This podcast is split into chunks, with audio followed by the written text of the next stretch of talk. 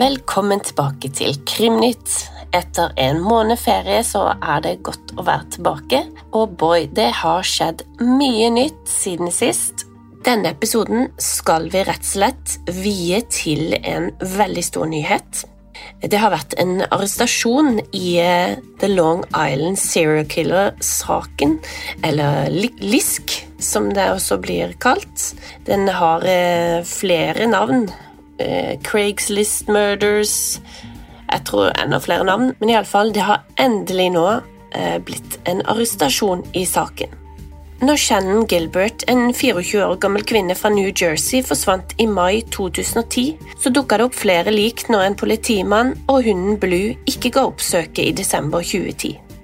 Etterforskningen hadde gått trått, og det tyder på at politiet ikke prioriterte å lete etter en kvinne som jobba som eskorte.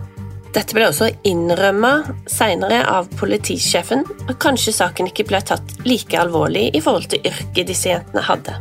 Klienten som hadde leid inn Shannon, bodde i et lukka område på Long Island, og til tross for at Shannon hadde ringt 911 og sagt at noen var etter henne, så politiet bort ifra denne samtalen fordi de mente Shannon var paranoid. Samtalen ble ikke frigitt heller før i 2022. Så når politimannen og hunden Blue leter, så finner de ikke bare ett lik, men til sammen ti. Og de ble funnet nær en strand mellom stranda og hovedveien i et område med mye busker og poison ivy, blant annet. Liket av Melissa Bartmantley ble funnet først, og med 150 meter mellomrom ble også Maureen Bernard og Megan Waterman og også Amber Costello funnet. De fant også liket av en ung mor og et spedbarn, også en asiatisk mann som var kledd i kvinneklær. Og deler av kroppene til Jessica Taylor og Valerie Mack, som da først ble identifisert i 2020. Felles for de to siste var at deler av kroppene ble funnet i kofferter i 2000 og 2003 i Manorville i New York. Og restene ble altså funnet nær Gilgo Beach. Deler av et annet lik ble også funnet, men den personen er ikke identifisert. Felles for de identifiserte var at de jobba med eskortetjenester, og de var unge og sårbare jenter. Felles for flere av de var at familien ble kontakta av morderen etter drapet. Og De fire første ble også funnet i striesekker, og dødsårsaken der skal ha vært kvelning. Disse fire blir kalt The Gilgo Four. Men det er altså tre av de som Eh, denne her personen, Rex Human, har blitt sikta for. Så altså nå endelig i 2023, 13 år etter, så har politiet sikta 59 år gamle arkitekt Rex Human. Eh, han jobber i sitt eget firma i Manhattan og bodde i Massapequa Park. Det er ikke langt fra der eh, likene ble funnet. Politiet er akkurat nå ferdig med å samle bevis fra hjemmet hans. Et hjem som han hadde kjøpt av sin bror, eller barndomshjem. De beskrev det som at eh, det var mye stæsj der, altså så ut som en hoarder bodde der. Rex var gift, eh, han hadde en kone og to sønner, og kona har nå søkt om skilsmisse. Drapene han er sikta for, er Melissa, som forsvant i juli 2009. Hun skulle hjem fra en eh, klient, og Rex han skal også ha ringt familien i ettertid og spurt om de visste hva Melissa drev med. Han kalte henne en hore, og han skal ha sagt på telefonen til mora at han hadde drept henne. Han er også sikta for drapet på Megan, Megan Waterman, 22 år gammel, som forsvant i juni i 2010. Hun forsvant fra et hotell der hun skulle ha gått ut og truffet en klient. Tredje drapet han er sikta for, er Amber Lynn Costello. Hun var 27 år. og forsvant i september 2010. Eh, hun skal da ha hatt en klient hjemme hos seg, og en venninne har fått en god beskrivelse av mannen. Og Beskrivelsen den passer til Rex Human, som har et ganske karakteristisk utseende. Og Bilen passer også beskrives på en bil som Rex hadde på denne tida. Politiet klarte å linke et hårstrå som ble funnet på noen av ofrene, til Megan Newman, altså Rex sin kone. Og De har da overvåka Rex i det skjulte i flere måneder, og når han kaster fra seg en pizzaboks med litt pizza, så klarer de å få DNA fra Rex. Politiet har også klart å linke flere burner phones, altså telefoner uten abonnement, til Human og funnet sammenheng mellom eh, locations til jentene og til Rex. Han skal jo også ha ringt familiene fra jentenes telefon. Kona har da vært på ferie i de aktuelle tidspunktene, selv om DNA-et hun har funnet, er ikke knytta til saken. Google Search avslører også at Rex har fulgt med på saken.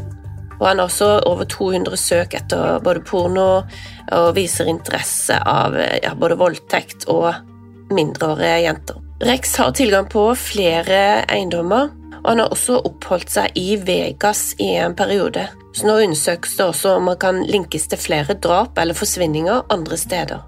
Og Spørsmålet er jo om han kan ha stått bak alle drapene, eller om det er flere drapsmann der ute som bruker samme sted til å gjemme vekk lika. I Krimprat nå så finner du en episode tilbake i tid. Eh, du kan søke på drapet av Shannon Gilbert. Og om det ble sluppet denne uka, eller om den kommer når du lytter nå, så kommer det også en egen episode om hele saken. Vi går gjennom 911-samtalen til Shannon Gilbert og ser litt på sammenhengen her. Også flere av de andre mistenkte i Shannon-saken. Nå begynte det plutselig å regne, så kan det være du hører litt regnvær i bakgrunnen her. Vi har tid til en eh, liten oppdatering til.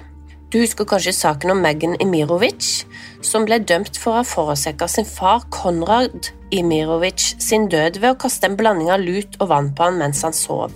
Dette var 1. oktober i 2021, mens den 64 år gamle Konrad sov at Megan angivelig skal kaste blandingen på faren.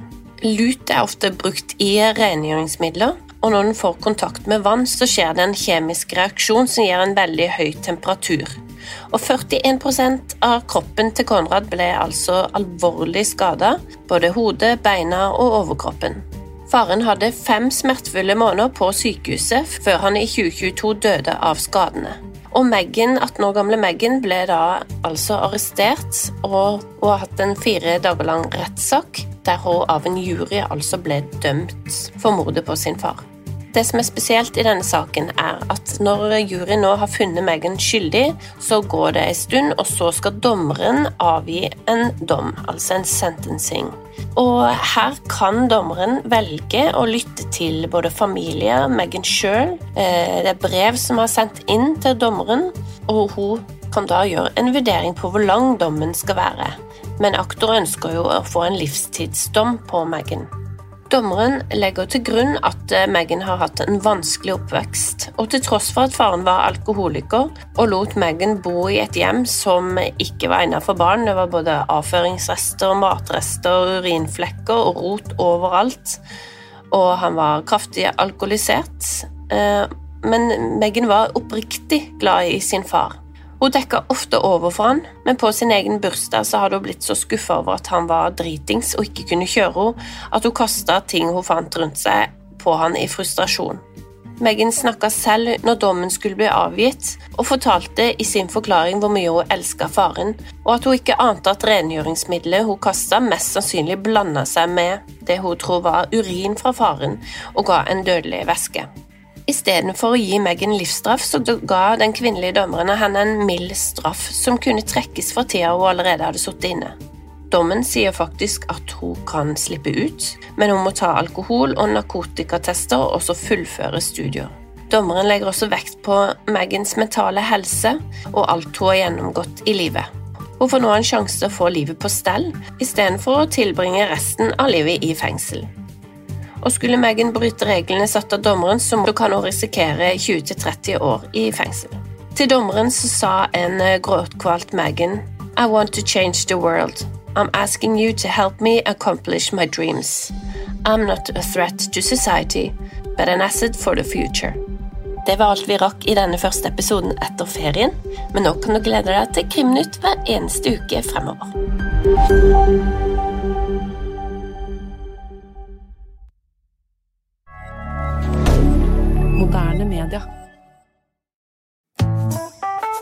Har du et enkeltpersonforetak eller en liten bedrift? Da er du sikkert lei av å høre meg snakke om hvor enkelt det er å sende faktura med fiken. Så vi gir oss her, fordi vi liker enkelt. Fiken superenkelt regnskap. Prøv gratis på fiken.no.